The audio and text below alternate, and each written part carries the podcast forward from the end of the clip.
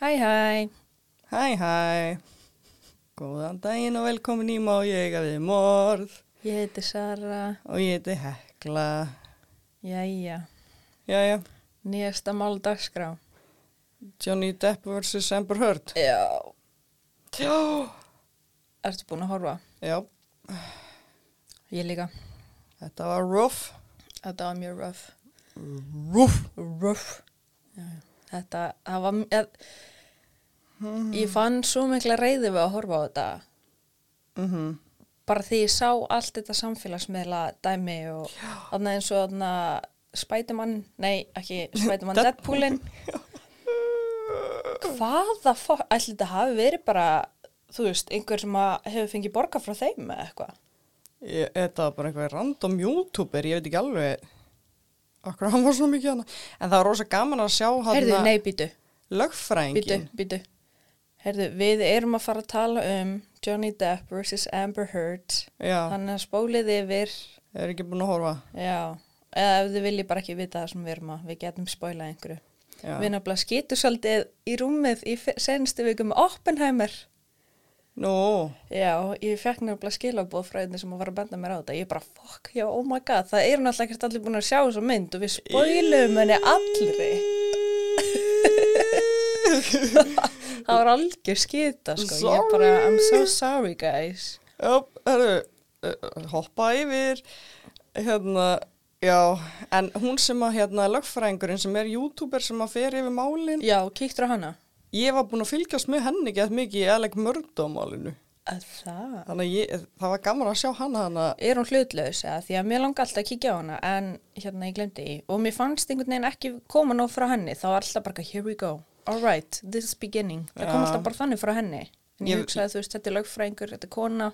já, ég veit ekki hvort að hún var hlutlaus eða ekki, sko, það var bara gaman að sjá hana, en já, þetta var, þetta var erfitt, sko, að því að, veist, ég náttúrulega trúi því að þau voru bæði óbyldisfull og, Mm En samt svo, eitt sem að bögga mig og bara böggar mig við þetta mál er hvað er lítið að sunnunagögnum. Þetta er rosalega mikið bara svona hvernig maður persívar þau. mhm, Þú veist, fólk sem er að tala um þau og þau að tala um sína reynslur og náttúrulega hún er, hún er hræðilegt vitni. Amber Heard. hún Hún er er það. mjög unlikable. Maður bara sér þvílíkt, hún er bara þvílíkt hérna að lifa sig inn í mómenti og bara, og maður bara svona, maður langar bara að hætta, bara þú veist, stopp nú. Já, Þetta er svo óeinlægt hjá þér. Þú ert búin að æfa þig. Og svo er svo erfitt. Ég veit það, og svo er Johnny Depp líka skilur að leika og hann tekur allt annað að prótsa á þetta sem er bara miklu meira believable. Mhm. En ég trúið þeim báðum. Já, já, eða þú veist, ég er svona, ég, sko, málið það að ég trúið hvorum. En hún játaði það sem hún gerði, fattar þau. Hvernig var það? Þú veist, hún segir í hljóðupptöku að hún hafi slegið hann og... Já, já, það var samt í hljóðu upptöku. Ég er að tala um bara þegar þau er að bera vitni sjálf. Já, en já, það, þú veist. Mér fannst hún einhvern veginn svona að taka ábyrð á því sem hún gerði Mm nokkurn veginn. Meðan hann bara eitthvað, nei, ég stóð 20 metrum frá henni. Veist, ég bara, ég gerði aldrei neitt. Og svo sér maður hann á myndbandi bara að vera að rústa einhverju, hérna, einhverju eldúsi eða eitthvað. Bara svona, hvernig, hvernig, þú veist, getur gert þetta en þér finnst ómögulegt að þú sért að beita hann á ofbeldi. Mm Eða fattur það, því að þetta er form af ofbeldi að að brjóta uh, hluti í návist. Þetta er til að ógna Já. og hræða. Og það, veist, þetta er líka bara, bara lagalega séð er þetta forma ofbeldi. Mm Og líka gaurinn sem að vinna fyrir hann Já, tók hann að standið og var bara I don't recall, I Já, don't já, recall. halló, við vitum að þú ert að ljúa hann Já. þú mannst eftir þessu, þú greinilega sást þetta þegar þú segir, annars væri hann bara, nei, það gerist aldrei, mm bara ég, ég, ég var þarna, þetta gerist aldrei, hann segir bara, I don't recall, við öllu, Já, hann vil ekki missa vinnuna. nei, Þannig að þetta er helvíti erfitt sko. Ég er bara svo ósátt með hvað hún var jörðuð og hann settur á háan stall. Þau bara hefðu bæði átt að, bara, þetta hefði al- aldrei átt að vera, public, já, það er bara málið, þú veist. nei, ég, það er rosalega skrítið, sko, en það náttúrulega er jákvæmt sem að koma út úr þessu að núna er fólk búið að vera borga til að grafa upp gögn úr gamla, Já. annar gamlumálunum þeirra og þá er fólk að finna dirt on him Já, því að hann, uh, þú veist, það bara þurftu einhvern veginn, samfélagi þurftu einhvern veginn að hafa einhvern sem sigurvegara í þessu. Já, Þeir einhvern vondakall og einhvern góðakall Já, þeir gátt ekki sætt sér við að þau voru bæði að gera ránt og líka vera fórnalömb og þeir þurftu að velja hver er betri, Mhm. Já. fattar við. Nákvæmlega, Það var, já, það er svona erfiða í þessu.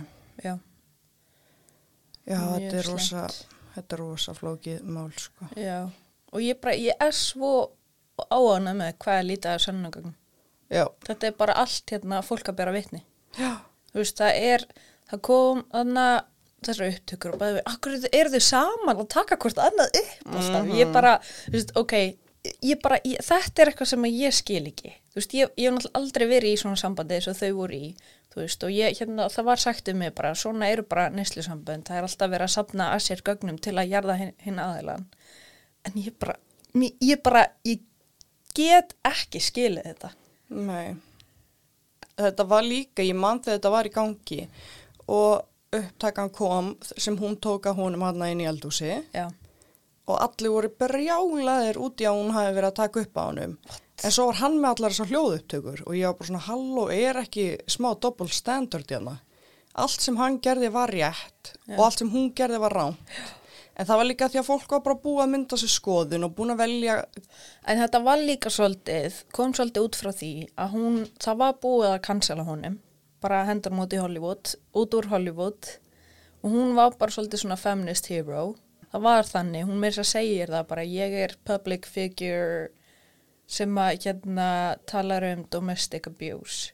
Já, talsmaður, þólenda og ofbeldis. Já og, og svo kemur bara ljós, þú veist, að hún var bara með fullt að skýtu um þótt sem hún hafi verið að fela skilur þannig ég held, ég skil það þú veist.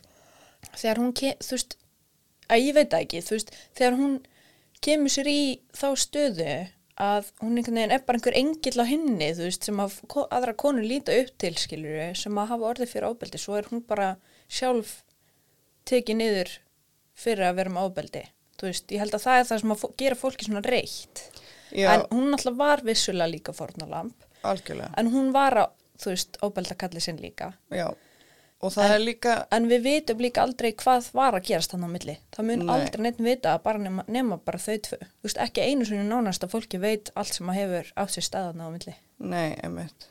Og líka bara, þú veist, það er mjög algengt að fórnalum óbeldi svari fyrir með óbeldi þegar þau eru búin að reyna allar aðra leiðir. En við bara vitum ekkert, þú veist, hva, já, við bara vitum ekkert. Og þess vegna finnst mér líka leiðilegt að fólk sé að mynda sér skoðun á þessu máli. Af því að við vitum ekkert. Já. Þú veist, auðvitað langar mér líka að taka hlið og ég hef staðið mikið á baku Amber Heard, sko. En það bara af því að hún var jörðuð á samfélaginu og meðan hann ekki, fattar. Og mér fannst það svo Já, ósangjart. það er umlegt sko En þú veist, þetta ánáttúrulega bara, þetta átti bara aldrei að vera public. Við áttum aldrei að hafa skoðun á þessu. Þetta átti bara að vera á milli þeirra að tvekja. Já, Þetta, ó já, þetta er svo erfitt með þér, anskotin. mm Ah, já, já, já, svona, ég er búin að tala allt um mikið um þetta. Herri, það kom nú komment hérna, sástu það? Frá Þorbjörgu Jónsdóttir, hún segi, ég korki vinurni fjölskylda og ég er að hlusta. Já, að því við erum alltaf að tala um að hérna, það séu bara vinur og fjölskylda að hlusta já, Já, Ég elska þetta, sko. Já, er mjög fyndið ég takk fyrir að hlusta. Ekki vinur og mamma. Herðu, ég þurfti reyndar að neyða með um pappa í að hlusta á þetta Hvistla sér þetta? Ég veit að ég bara, heyrðu, mamma er að heklu að hlusta Þið skulle gera svo vel, hlusta líka I'm your daughter Einmitt. Já, var, og ég, ég, hérna, ég downloadaði þáttunum í uh, símana er álítið að hlusta Já, gott. Já Hvað gerir þú yfir helgina? Herðu, vá, sko, bara senasta vika ég held ég sé búin að vinna á hverjum einasta degi nánast og milli vinna er ég bara í máli Já. skoðamál Ég, já, ég er líka bara búin að vinna. Vinn og mála. Mála? Verið máli. Já. Vinn og mála. Nei, ég er ekkert búin að fara í mál. Nei, ok.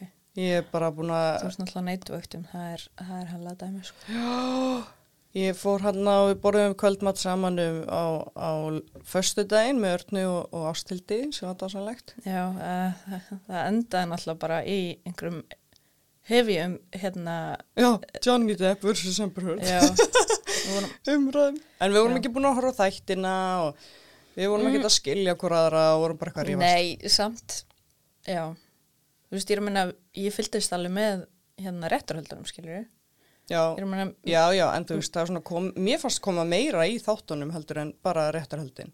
já, en mér fannst samt svona þetta, tó, e, e, þú veist, maður náttúrulega er alltaf með ákveðna skoðun og tekur svo hlutina sem að ídendi skoðunum hans, Mm Þannig að, þú veist, ég er ekki alveg sammála að systeminni, sko, en, en, En- já, ég skil meinar. Já, þetta er bara, mér finnst bara að, þú veist, þetta er fólk. Ég er að minna, þú veist, ef að hún er, Engin drafneitt. ég veit það, en þú veist, ég bara, ef að hún er talsmaður abuse, þá getur hann bara alveg eins verið að líka, við. Sorry, en það er bara Já, staðan. þú Við erum ekki með nú mikið af, hérna, sönnögögnum til að bara taka þá afstöðu að hún var bara fórnalamp, ofbeldist. Þú veist, það bara er ekki nóg. Þetta er bara eitthvað sem þau eru að segja, skilur við. Þau voru bæði, held ég. Og þú veist, þau gætu náttúrulega bæði, þú mátt alltaf segja þinn truth, fattar við. Já, ég, þa já, það reyndar fannst mér að því að hérna, það, uh, það svona fannst mér að hún hefði átt að vinna að því að þetta er bara að vera að berjast á móti málfrelsi. Já, Þú veist, Já. hún gæti ekki fengið að tala uh, sinn sannleik bara á þess að vera kærðskilur, þú veist. mhm. Já, já, já, svo fyrir ég á djammi á laugardaginn, alltaf á djamminu. Tjám, pjalla þeim. Já, ég bara, ég er í einhverju midlife crisis hérna. Nei, ha? Nei, ég tek það svona einu svona ári. já, já, já. Þetta er mid-year crisis. En já, annars ekkert að frétta, bara að vinna, ok. Herru, hvað hva mál er í dag? Ég veit það ekki. Ég, ég, ég kíkti ekki á blæði. Ekki heldur. Herru, já, mál dagsins er Jake Nolan. Mm Þetta mál var bara frækt út af einni selfie-mynd. Annars myndu mjög fáur vita um það en ég, það er samt ekki það stórt og mikið upplýsingum um þetta. En þetta er, þetta er fínt og flott. It's a good case. Já, það var, það gaman að leggjast yfir þetta. Mm mjög, mjög weird. Já, þetta er allt weird hjá okkur. Já, það er náttúrulega bara mjög erfitt að setjast og ætla að skrifa um eitthvað gett þurft og boring mál. Já, alveg einhver drepin og við erum bara eitthvað. Já, þetta er ekki nóg. Þetta er ekki nóg tjúsi. það er ekki nóg krassandi. Oh. Það verður að hafa eitthvað svona pizzazz, Já, það verður að vera eitthvað smá. eitthvað svona krydd. Já. Mm Já, já, Sara, má ég eiga við um orð? Já, þú mátt það.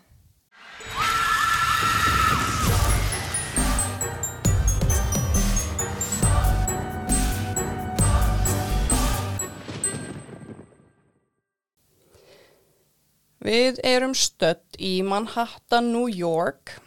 Það er 12. november árið 2012. Dr. Michael Weiss var með són sinn Calder, sem er fjagar ára, hjá sér sem hann deildi forræði yfir með Dr. Pamela Butchbinder. Michael og Calder vöknuðu snemma þennan mánudags morgun og gerðu sér til fyrir skóla og vinnu.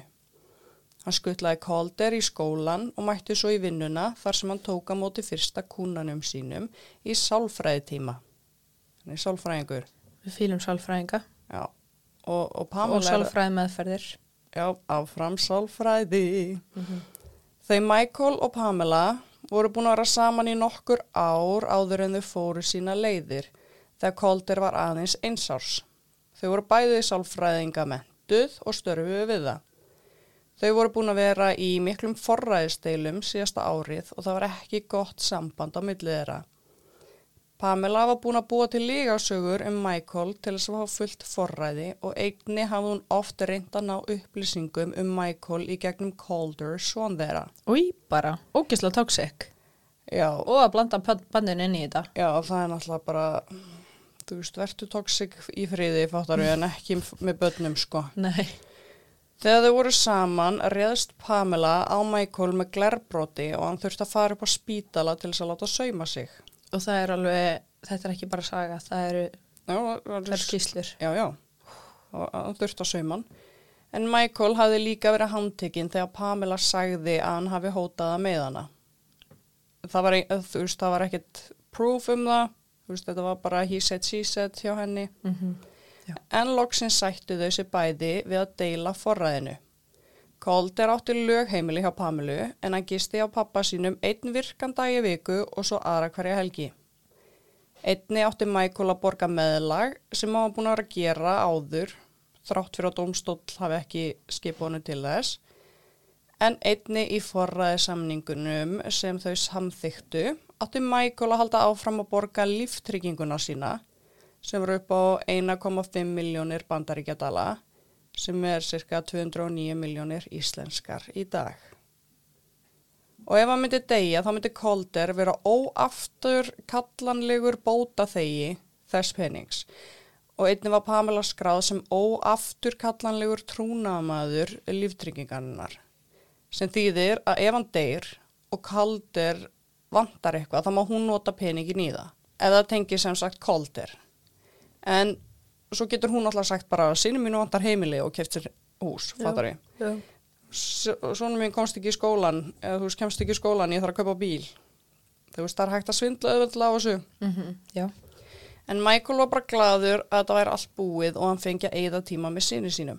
Æi, Já. æi, Hann allavega er mættur í vinnuna og er á sálfræðist þar þegar ungu maður með íþróttatösku kemur og veður inn í miðjan sálfræðitíman hjá hann. En hann þekkti hennan strák, þetta var hann 19 ára Jake Nolan, litli frændi Pamelu. Jacob Nolan, kallar Jake, var þriðja og yngsta bann þeirra hjóna Jim og Debbie Nolan. Fjölskyldan var frá Long Island og þau voru helviti rík. Fóreldrar hans líst honum sem dásamlegu batni sem var ekki með eitt vond bein í líkamannum. Hann var hæfileika ríkur og klár strákur. Hann greintist með ADHD þegar hann var 5 ára en þegar hann var á milli 14 og 15 ára þá fannst fóreldrunum hans persónuleikin hans breytast. Hann byrjaði að fá langar tilfinningarsveplur þar sem hann fór hátt upp og svo langt niður og mætti hann þá ekki skóla í marga daga. Í framhaldsskóla í Miami vann hann verðlaun fyrir app sem hann bjóð til sem hétt FlashMe. Þetta hljóma. Flashme. já, var sem sagt app þar sem hún gast nota til að búa til minnisspjöld. Ó, ok. Já. ég held að þetta var eitthvað sexuál, sko. Já. Akkur er þetta svona ógisleg? Ég ger alltaf ráð fyrir ykkur en svona. Nei, sem sagt FlashMe var app þar sem hún gast nota til að búa til minnisspjöld. Á ennsku heitir það flashcard sem þú tekur oft með í próf. Mm Já. Já, Og hor- læsta framann og svo þarfst að muna. já. Þetta er frábær. Lærdomstækni. Já, þetta, þetta er, ég veit samt ekki alveg hvað þú varst að tala um, hvað, að muna, nefnum að hafa með þér í próf, svona lítið, lítið Þú mátt ekki alltaf taka þetta með þér í próf. Fólk notar þetta Fólk notar þetta mjög mikið til þess að með svona páagögulærdom þá skrifaru hvað er gulur? Og svo aftan á skrifaru það er litur, sólin er gul eða eitthvað. Og þú veist, svo ferðu yfir spjöldin.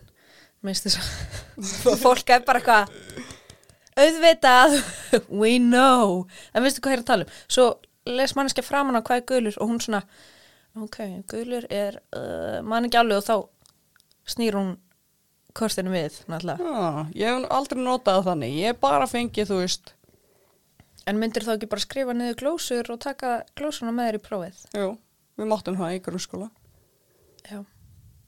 og maður bara skrifa eins lítið og maður gatt til þess að koma sem mestu þannig, Já, en þetta er náttúrulega, þetta eru svona kort. já, Þetta er allt annað. Ok, minnisspjöld, já. já, það er annarkvort, allan að þetta app hjálpaði þér að búa til, sem sagt flashcards og flokka þau eftir áfengum. Mánuði eftir að hann vann þessi verðlaun gæti hann sinni komist frá rúmunu sínu. Fóraldrar hans reyndu á mótonum með öllu sem þeim datt í hug en ekkert virkaði. Þá var Jake greindur með þunglind og kvíða. En skapsveiflunar versnuðu bara. Þegar hann var 17 ára þá tók hann hníf úr eldhúsinu og fór með upp í herbyggið sitt og sagði hann alltaf að fremja sjálfsmorð. En með svo skrítið, þú segir þessar svakalegu sveiflur, þetta hljóma bara eins og bæpólar fyrir mér, Mm án þess að ég sé einhver expert. Fóreldrar hann senda hann á geðdelt þar sem hann var greindu með bæpólar. Ok, sorry. Þetta er næsta setning. Ó, ok. Ég var bara búin að hugsa um þetta gett lengi, bara ætlar ekki að koma tilbaka þá. Herðu, jú, jú, hann greindist þarna inn á geðdeltinni. Gott. Þegar Jake var komin í háskóla var hann búin að prófa um 30 mismunandi lif sem voru ekki að virka. Hann drakk mikið og byrjaði einnig að fykta með eiturlif. Fóreldrar Jake vissu ekki hvað átt að gera. Þeir kunni ekki að hjálpa honum og voru bara alveg tínd. En þá bauðst Pamela til þess að hjálpa til. Hún sagði að hann mætti flytja inn til sín og hún myndi hjálpa honum. Hún geti fylgst með livjónum hans og tekið hann í sálfræðitíma. Og þau bara, þau voru náttúrulega fjölskylda og hann hefði þekkt hana síðan að hann var bann, þannig að þetta var bara frábær hugmynd. Þau þekkt hana öll og treystu og eina sem hún vildi í staðinn var að hann myndi hjálpa henni með Calder. Bara person að býja. Já, veistu, mér finnst þetta bara flottur dýl. Fjöla, fjöla hjálpa fjölu, ég er að meina, hún er sálfræði mentuð. Mm -hmm. Þau vilja bara það sem er best fyrir hann og ég er að meina, hann lítið þá að vilja að liða betur. Já, hann vill það. Já, vera með litla frænda sinn. Það er bara win-win fyrir mér allavega. Jake flutti til Pamelu og strax byrjuðu allir að sjá mun á honum. Hann var orðin léttari og hammingjusamari. Hann og Pamela náðu svo vel saman en hann og Calder náðu ennþá betur saman. Ó, það er svo fallið. Já, og Jake elskaði Calder mjög heitt. Pamela bað Jake um að vera guðfæðir Calders og var hann heiminn lifandi með það og, og tók mjög alvarlega. Mm, krútó. Já.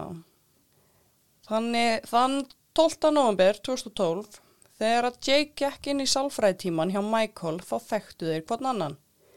Michael bað Jake um að fara fram meðan hann kláraði tíman og hann myndi svo tala við hann þegar hann væri búinn.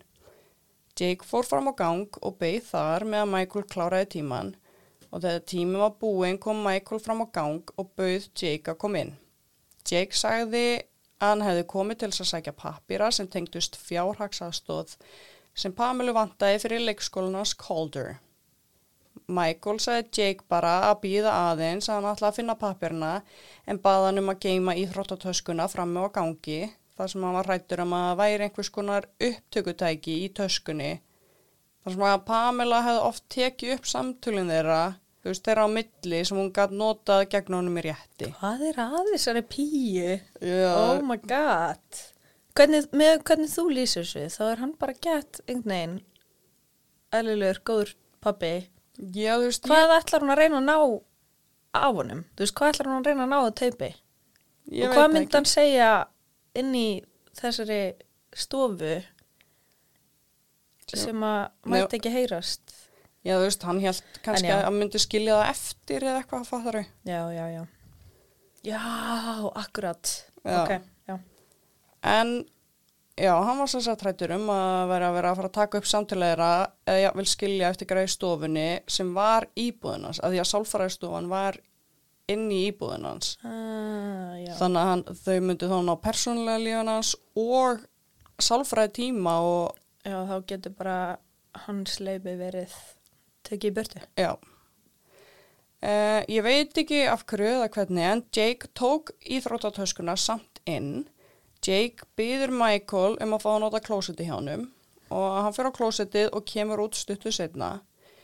Þegar Jake kemur fram heldur hann á fjara og háls kíló sleggju Wow. og sveiflar henni í átta höfðin á Michael sem betur fyrir tók Michael strax eftir því og náða að færa höfuði frá en sleggjan lendi samt á öxlinans. Oh my, Já. og ég bara. Ég held líka að því að sleggjan var svo þung Já, að þa- þess vegna náða hann að bregðast líka við. Fjögur kíló. Það er, Að þú veist að þá var reyfingin aðeins hægari og þess vegna Mhm. náða hann að færa sig. mhm. En Jake slefti þá sleggjunni og dró upp hníf og byrjaði að stinga Michael. Uh, Hann stakk hann um átta sinnum í fæturnar, hendurnar, bakið og bringuna. En Michael var miklu stærri og sterkari en Jake og hann byrjaði að berjast á móti. Hann náði að rífa hnífin af honum og stakk Jake rétt fyrir ofan viðbynnið. Eftir hann stakk Jake horfði Michael á hnífin og hann þekkti hnífin. Þetta var hnífur sem hann hefði gefið Pamilu þegar þau bygguð saman. Nei, hvað? Hann gaf henni svona, þau svona búnt, eða hvað heitir það? Með mörgum svona hníf. sett. Já, Nýfa sett. og það var einn úr því. Hvað er hún stúpid? Þetta er náttúrulega, já. Hún, já, e, e, mjög. Uh, Michael byrjar að öskra eftir hjálp. Jake stendur þá upp og gengur fram á gangin. Michael skrýður á eftir honum en svo líður yfir hann á ganginum við hliðin á Jake sem sest niður á ganginum. Nágrannar heyrðu lætin og neyðalínan var að fá hellinga símtölum. Meðan þeir eru á ganginum tekur Jake upp síma sinn og tekur selfie á sér. Þetta fannst öllum svo skrítið og þetta er auðvitað eina ástæðan fyrir að fólk veit af þessu máli. Þú veist, það er ekki til mikið um þetta mál en bara út af selfieinu er Og- tala mikið um þetta. Var þetta bara til að senda Pamilu eða Já, ég held að hann hafi, þetta er svo skrítið? ég held að hann hafi sendt henni mynd, myndina, sko. Hann allan að sendir á hana SMS, Oh hátna á ganginum. Það er samt mjög skrítið að hann reyndi ekki að flýja. Þú veist, það er líka að tala um það, þú veist, setna með. Var hann ekki bara orðin nóg veikbyrða? Hann var náttúrulega búin að stinga hann. Já, hann var búin að stinga hann einu sinni, þú veist, jú, En það samt getur alveg verið nóg. Stingur þig, sérstaklega, þú veist, í búkin, að ég veit það ekki. Mhm. Þá kannski, ertu bara það verkjaður eða einhvern veginn máttlaus Mhm. að þú fer líka að missa haldi blóð, þá Algjörlega. geta límynda mér að hann, en já, stúpid að hlaup ekki bara út og ég veit ekki. Já, hann beð bara eftir löggunni og þegar lögreglan mætti segir hann strax að Michael hafi stungið sig. En þegar lögreglan skoðaði sig aðeins um, þá sagði vettvangurinn aðra sögu.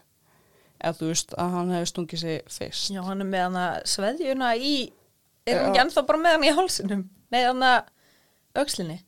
Nei, þetta er, þetta er sleggja. Já, oh, oh god, ég held að þetta væri það sama. Nei, Sveðja og sleggja er- sleggja. Ég veit að ég var að fatta það núna, ég held alltaf að þú væri að tala um svona lítið sverð. Nei, þetta er sleggja. Ói, ok, ói, það er ok, hvernig fór það inn í hans? Það fór ekkit inn í öxlina. Bara hitt hann í öxlina. Ó, ok, v- vá, ok.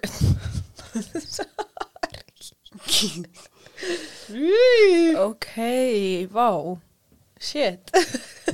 Er alveg sko. Má sjá.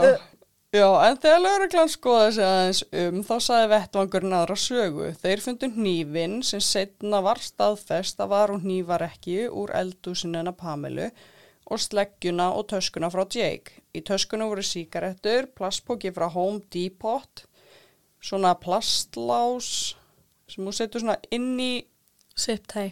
Já, tvo kotta og tekna kort af bygginguna Michael með öllum inngöngum og útgöngum mertum. Mm, Það var erfitt. Blueprint. Já, að því að var alveg erfitt að komast þangað inn. Mhm.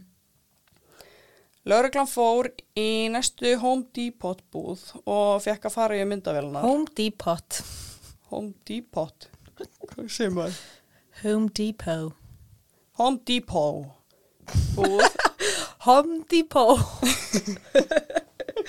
ok, já. Fuck me, já, já. Yeah, ok, já. Á upptökunum sást Jake vera að kaupa sleggjuna og sipplock, Siptæ. sipptægin.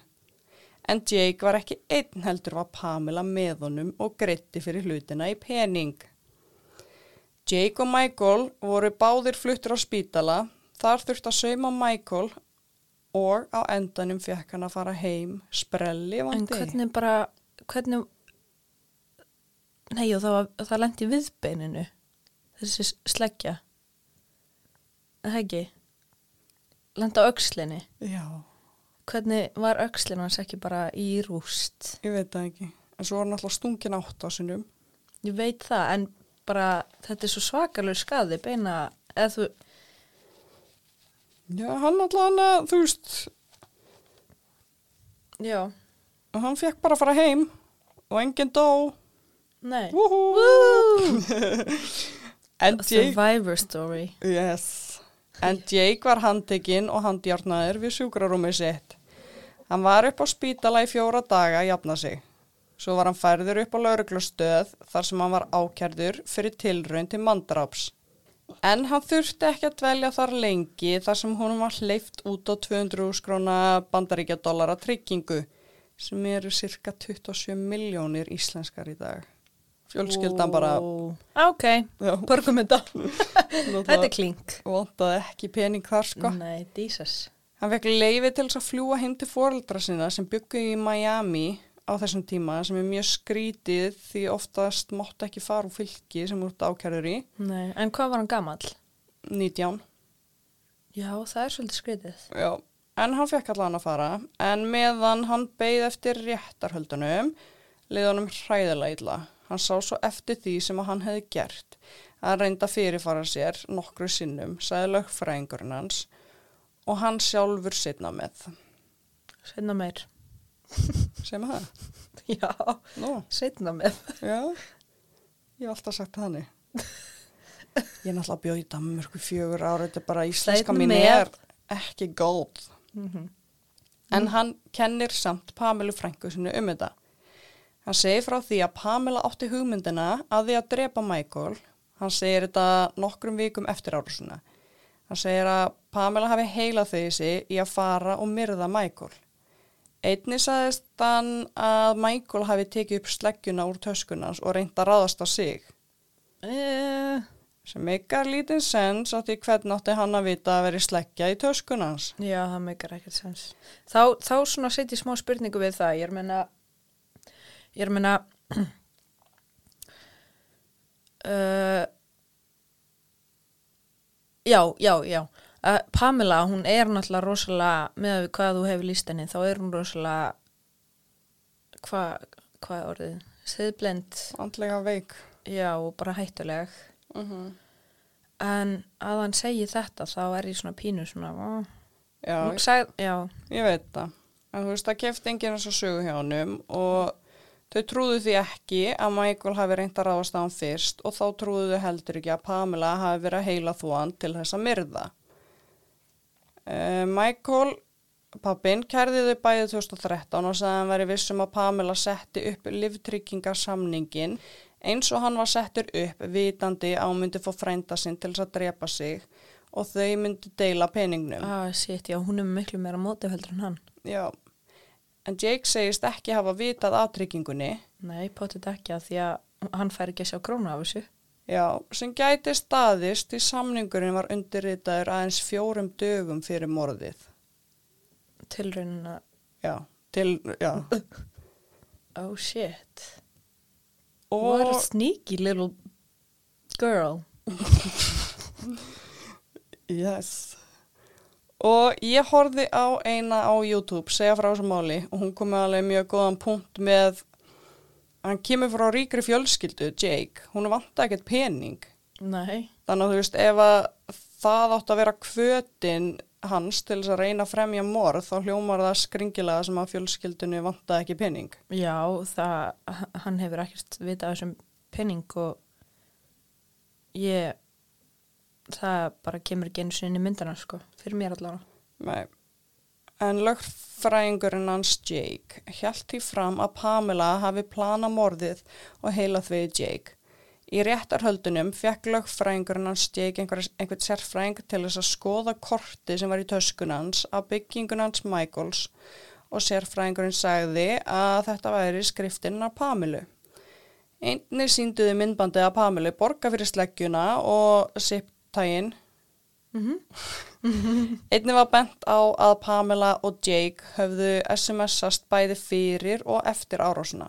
Já, þetta er náttúrulega bara hún. Já, hann sendi náttúrulega SMS á hana þegar hann var fram á ganginum hjá Michael og hafi þá sendt á hana að planið hafi mistekist og hann hafi slasast. Var það þarna með selfie-inu? Já, Ó, ok. Pamela svaraði ekki SMS-inu en Jake sendir aftur á hana þegar hann er komin upp á spítala. Hann sé á spítala uh, og bæði honum og Michael blæðir mikið og hann byður hann um að koma. Þá sendur hann SMS tilbaka sem aðeins stóði í where sem hún myndi úr hvaða spítala. En hún mætti svo upp á spítala og kíkti á hann. Eftir að öll þessi sönnunagagn komu upp var Pamelu bannað að hitta són sinn. En þetta var samt alveg næstu í tveimur árum setna því Michael kærði þau ekki fyrir en árið setna og svo var byggð eftir að réttahöld byrjuðu. Þar á meðan var Pamela að sjá um són þeirra og hún var ennþá að vinna sem sálfræðingur. Það snert hann ekkert. Það er, það er svo grillað maður. Já, Ég líka, skil ekki, er ekki farið bara strax í rannsókn og ríkið eða fylkið eða eitthvað bæ- bærin kærir? sko, málið gegn, gegn Jake fór með þess að setna í gang heldur en þú veist, ríkið, ríkismálið, fylgismálið, whatever, hvað sem maður kallar þetta. Bara lögreglan að tilkynna glæp, þá fór setna í gang heldur en Michael að kæra þau. Fokk að það er skrítið. Já. Ég bara, og líka, er ekki eitthvað svona, þú veist eins og barnaðundanemt, Já, sem var bara ekki, kemur inn og þetta bara var ennþá she said, fattar ég. með stunguna. Nei, já, hvort að hún hefði átt hluta í því. Okay. En meðan það er rannsókn þá bara, nei, Já, ég er sammálað því, sko, en það var mjög ekki hann. skrítið. Og Pamela bara. Hún getur gert einhvern svakalan skada, þú veist, hún hefði getað gert bara eitthvað svakalegt við þetta barn, sko. Hann Já, er gert örugur í hennar höndum. Spáðu líka bara í að hann er að láta konu sem hann heldur að ver reynd að fá einhvern til þess að myrða sig Mhm. að rétta henni bátni sitt. Já, þetta, það hefur örugglega verið messi. Það er bara, ég bara get ekki ímynda mér þetta, sko. Ég, ég myndi frekar ræna barninu, fara með úr landi. Já, þá færi náttúrulega bara næstu ákæru og sem náttúrulega þegar- fréttirnar með móðurina inn á Íslandi. Þetta er svo flókið, sko.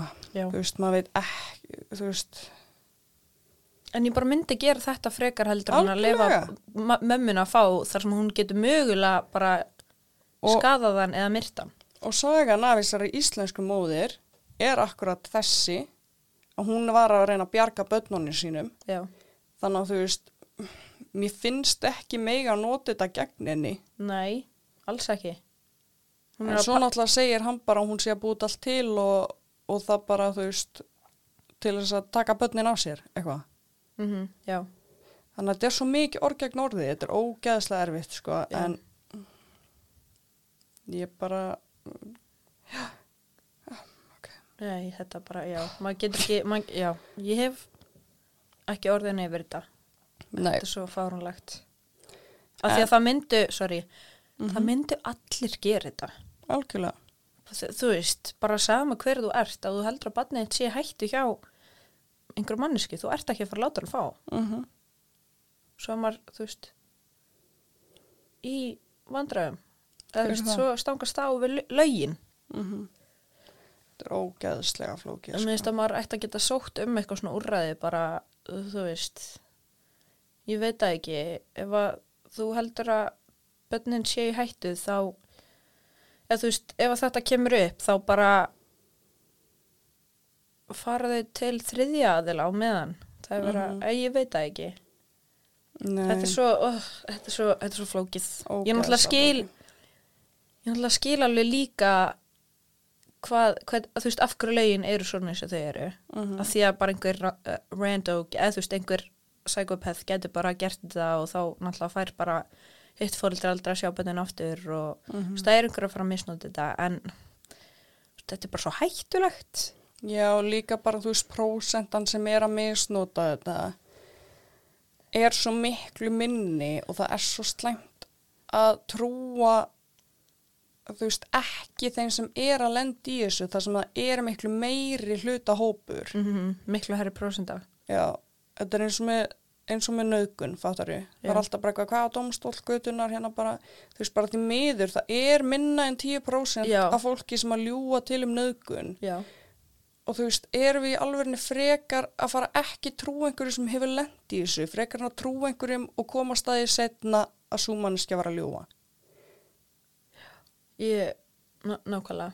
Þú veist, ég vil frekar trú einhverjum og koma staðið að hann var að ljúa þótt að segja jafn alvarlegt, frekar en að trúa ekki einhverjum sem að hefur lent í þessu. ok. Skildur þetta? Já, ég skildi það sko, ég var bara að hugsa ég hérna að því að þetta er eins og bara eins og með morð að þegar innocent people hvað segir maður Já, þetta er. Já, já þegar saglust fólk er dæmt í fangelsi fyrir glæpi sem þau hafa ekki gert þú veist, það er já, Sorglegt. mjög sorglegt Já. og ég myndi frekar sleppa morðingjanum lausum, hugsa ég heldur hann að setja saglisa mannesku í fangelsi. Já. Þetta. Var ég að pota göti í heilanum einum. Já, ég þarf að hugsa þetta eins. Já, Hvort að ég myndi gera það líka. já. En þú veist, þetta er góða punktur. Ég ætla að Mhm. spá í þessu. Mm En Michael trúði því alltaf að Pamela var með þessu. Hann þekkti hana vel og vissi hvernig hún væri. En Jake segir í réttarhöldum að Pamela hafi heila þegi sig. Ég er búin að segja það mörgur snöfum. Hann heldur að það hafi byrjað um leið og hann flutti inn þegar hún bað hann um að vera guðfæðir Calders. Hún treyst honum fyrir batninu sinu og fannst hann það góð manneskja að hann fekk að vera guðfæðir. Hann trúði því núna að þetta var taktík til þess að hann myndi treyst henni. Þú veist, hann var líka bara eitthvað sex ára þegar hann flutti inn. Nei, fjagur ára. Já, fjagur ára. Hæ? Strákurinn, já, hann fjagur ára. Þú veist, er ekki skrítið að fá guðfóraldra þegar maður er fjagur ára. Það er það sko, ég myndi halda ef að það væri eitthvað í planinu þá væri hann bara komin með guðfóreldri. Einmitt. Og þegar hann flutti inn var hann svo velkominn og honum leið eins og að hann væri með eitthvað hlutverk í lífinu. Hún var alltaf að tala fallega til hans og upphýfa hann meðan hún tók hann líka í sálfræðitíma hjá sér. En á sama tíma var hún að leita til hans með huggun. Ú, Já. Hún fór með öll vandamálin sín í hann. Hann var komin í pappa hlutverkið með Calder og svo að styðja Pamilu með hennar vandamál sem er mjög skrítið þar sem hún átti að vera að hjálpa honum með andlegu veikindin og hann var að fá, þú veist, og hann var á mjög sveiklukendum stað Já, í lífinu. það er mjög skrítið. Já, Það er bara, já, mér, mér finnst að vera svona svipað eftir upp. Af því þetta hefur pottet verið einhver vandamál tengt Michael. mhm, Bara Michael er svo ömulegur eitthvað. Þetta er svona eins og ef mamma mín og pappi væri að rífast og pappi myndi hérna alltaf vera konfæta í mér eitthvað hvað mamma er leðileg. mhm. Það væri fucked up. En þú ert náttúrulega badnið, fattar ég. Já, nákvæmlega, ég er badnið. Já, en hann er ekki badnið. Jake er ekki badnið, hann er frændi. Hann er litli frendi sem er á mjög viðkvæm stað. Já. Þá á hún ekki að vera Þetta væri meira svona eins og ef þú fer í sálfræði tíma og sálfræðingurinn tala við þig um vandamáli ég er enda myndi gera, ég veri, sálfræðingurinn minn er svo frábær sko, ég bara, ég, segðu mér öll vandamálin, ég skal hlusta núna í dag. í alvörunni. Nei, ég myndi, ég myndi, Já, já, þú... en hún gerir það ekki. Nei, já, nei. En þetta er svona fjölskylda. Þannig, og það er, ég hef heyrt fólk tala um þetta þegar hérna fóreldra koma með til bannana sinna vandamál. Það er eitthvað svona, uh, ég man það ekki, ég hefði ekki átt að nefna það. Já. Jú, þú veist, fóreldrar eiga ekki að fara með fullorins vandamál í börni sín. Já, þú veist líka bara ekki hjónavandamálin. Já, Ekki blanda börnunum í það. og sérstaklega þegar þau eru ung þá áttu bara aldrei að blanda þeim í vandamál sem þeir geta ekki leist. Eina sem þau geta gert er að geima þetta inn í sér og byggja upp sorg eða gremju. Já, Þau get ekki leist þetta, þau eru börn. nákvæmlega. Nákvæmlega og hann er náttúrulega bara bann. Jake, hann, já. já, hann er 19. Já, en Já, ég var samt bann þegar ég var 19. nákvæmlega. En Dr. Phil segir þetta alltaf, sko. Mhm. Börn eiga að vera börn. Þetta var, og, þa og þessi, hérna, þessi árás hefur bara verið hans svar við öllum þessum vandamálum sem hún hefur verið að koma til hans með. Mm Við verðum alltaf að tala um hann eins og barn. Hann er náttúrulega orðin löguraða einstaklingur á þessum tíma. Við tökum það fram. En samt. ok, alltaf. Herði, það var mynd af þeim þremur, Pamilu, Jake og Calder, öll liggjandi saman upp í rúmi undir sæng að eiga nána stund. Jú, Kanski það er eitthvað venjulegt hjá þér, mér finnst það skrítið. ég er til oft með örn upp í rúmi. Já, já, systur. En Við, þið, við, Við erum í allt öðrum samhengjum hérna. Ég er bara að reyna að setja mig í þessi spór, ég veit það ekki. Ok, Kanski ef ég og einhver frænga væri mjög stór, stóri frændiðinn Ég og... og hann ber ofan eitthvað fyrir vinnu eitthvað. Sko, ef við værum súper náin, þá myndi ég ekki vera eitthvað get uncomfortable að hann væri bera ofan og myndi liggja í sama rúmu og ég, en ég myndi Að aldrei spúna. eitthvað kúrum. Nei, það er off. Það er off. Ih, Já, þau voru eiginlega spúna á þessari mynd, sko. oi, oi, oi, oi. Uh. Og var hún bera ofan eða hann? Nei, hann, Ok. hún var einhverjum svona nærból. Ok, ok. En Jake fór í stórt viðtal hjá 48 Hours hjá CBS sjóastöðinni og þá segir hann að það var venjulegt að hún bauð honum að skrýða upp í með sér og Calder og eiga fallega fjölskyldustund saman.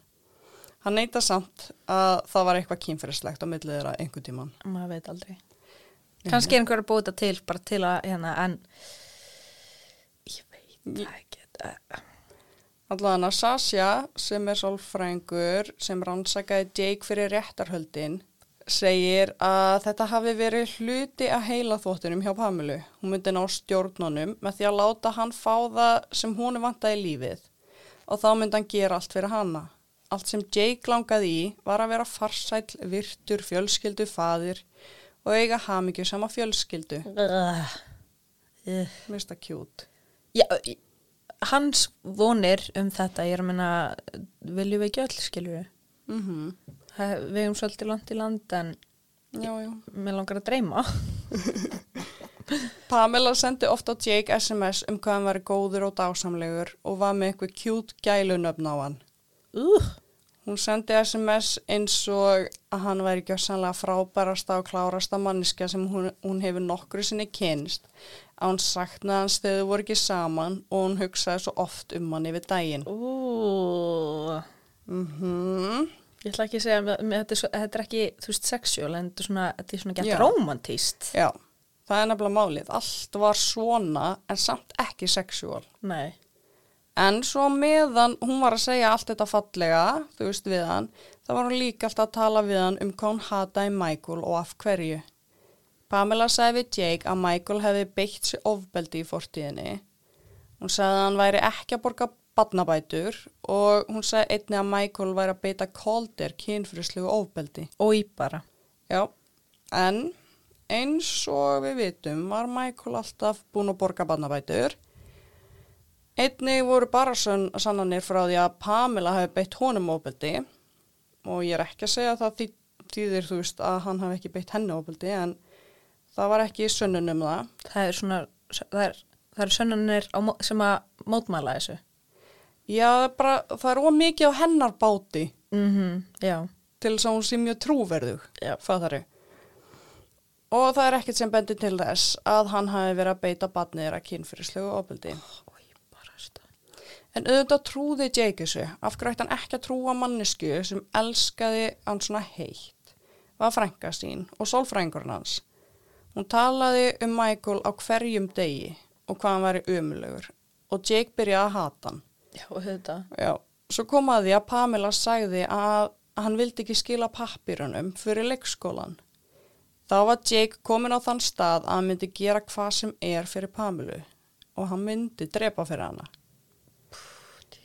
Morgunin áður en Jake réðst á Michael þegar þau voru búin að plana morðið og búin að kaupa sleggjuna sagði hann að Pamela hafi skriðið upp í rúm til sín, og gillað honum á bakinu Nei. meðan hún sagði honum hvað hún elskaði hann mikið. í bara Þetta er óþægilegt sko. líka bara svona uh, það er svo auglust að hún er bara að gera þetta til að hann fari í þetta þetta, Hún er bara að nota hann. Já og þú veist hvað er hún að reyna Æ, þetta er bara svo ógeðslega ég bara, minnst þetta svo disturbing Þetta er það. Hún sagði að hann væri besti maður sem hún hefði kynst og hann væri bjargvættur hennar og að Oj. enginn skildi hann að nema hann. þú veist þetta er litli frendanar sem er 19 ára Mm í uh, Pamela vildi að hann myndi pynta Michael en Jake var ekki til í það. Hún vildi að hann myndi sprauta hann með eitri, skera af honum eistun og brenna hann lifandi. Wo- wow, Alveg sko. Um morgunni var Pamela að pakka öllu niður í tösku fyrir Jake og var grátandi og sagði við hann í dag er dagurinn. Lífið á eftir að verða svo miklu betra þegar Michael er dáinn. Jesus. Jake fór fyrir dóm fyrir tilraun til mandráps í mars 2016, fjórum árum eftir árásina.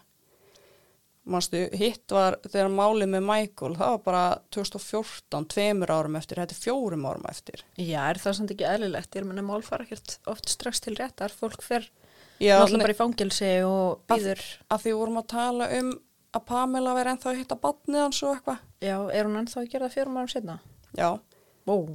og þarna var Pamela ekki ennþá búin að vera handtekinn, en Jake var fundin segur fyrir tilraun til mandráps og að dæmdur í nýju og hálft ári í fangelsi. En Pamela hjælt lífinu sínu áfram. Voru- til... Mér langar að klippa henni austan og brenna hana lifandi. Uh Þanga til ári setna þá var hún handtekinn í oktober 2017 fyrir annarstegsmórstilraun og fyrsta gráð tilraun til líkamsárásar. Hún neytaði þessum sökum en það var ekki fyrir enn í september 2022 þar sem Pamela játaði til þess að komast hjá mögulegum 25 ára fangelsistómi. Mánuði setna vildi hún draga játununa tilbaka. Hún sagði að þann dag sem hún hefði játað hefði hún ekki tekið lífið sín og hún hefði andað að sér óbeinum grasreikingum. Ha. Ok. Já, en dómarinn sagði bara já, nei, þú getur ekki tekið játununa tilbaka og dæmt hana í 11 ár í fangelsi. Þar sem hún var búin að sitja inni síðan 2017 þegar hún var handtekinn, þá á hún bara 6 ár eftir. Oh my god, það er ekki neitt.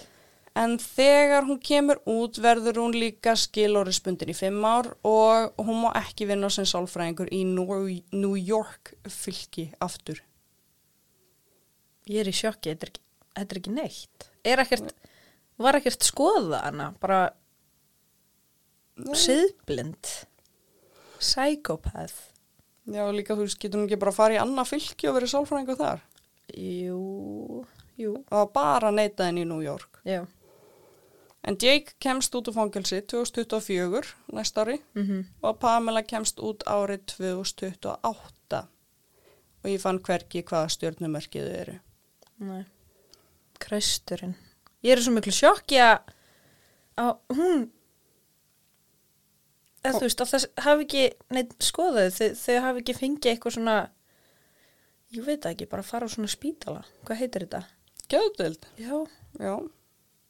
takku dómi sinn þar því að, eða ég veit ekki, kannski er hún bara svona cold-blooded einhvern veginn psychopath Það en, er eitthvað að sko.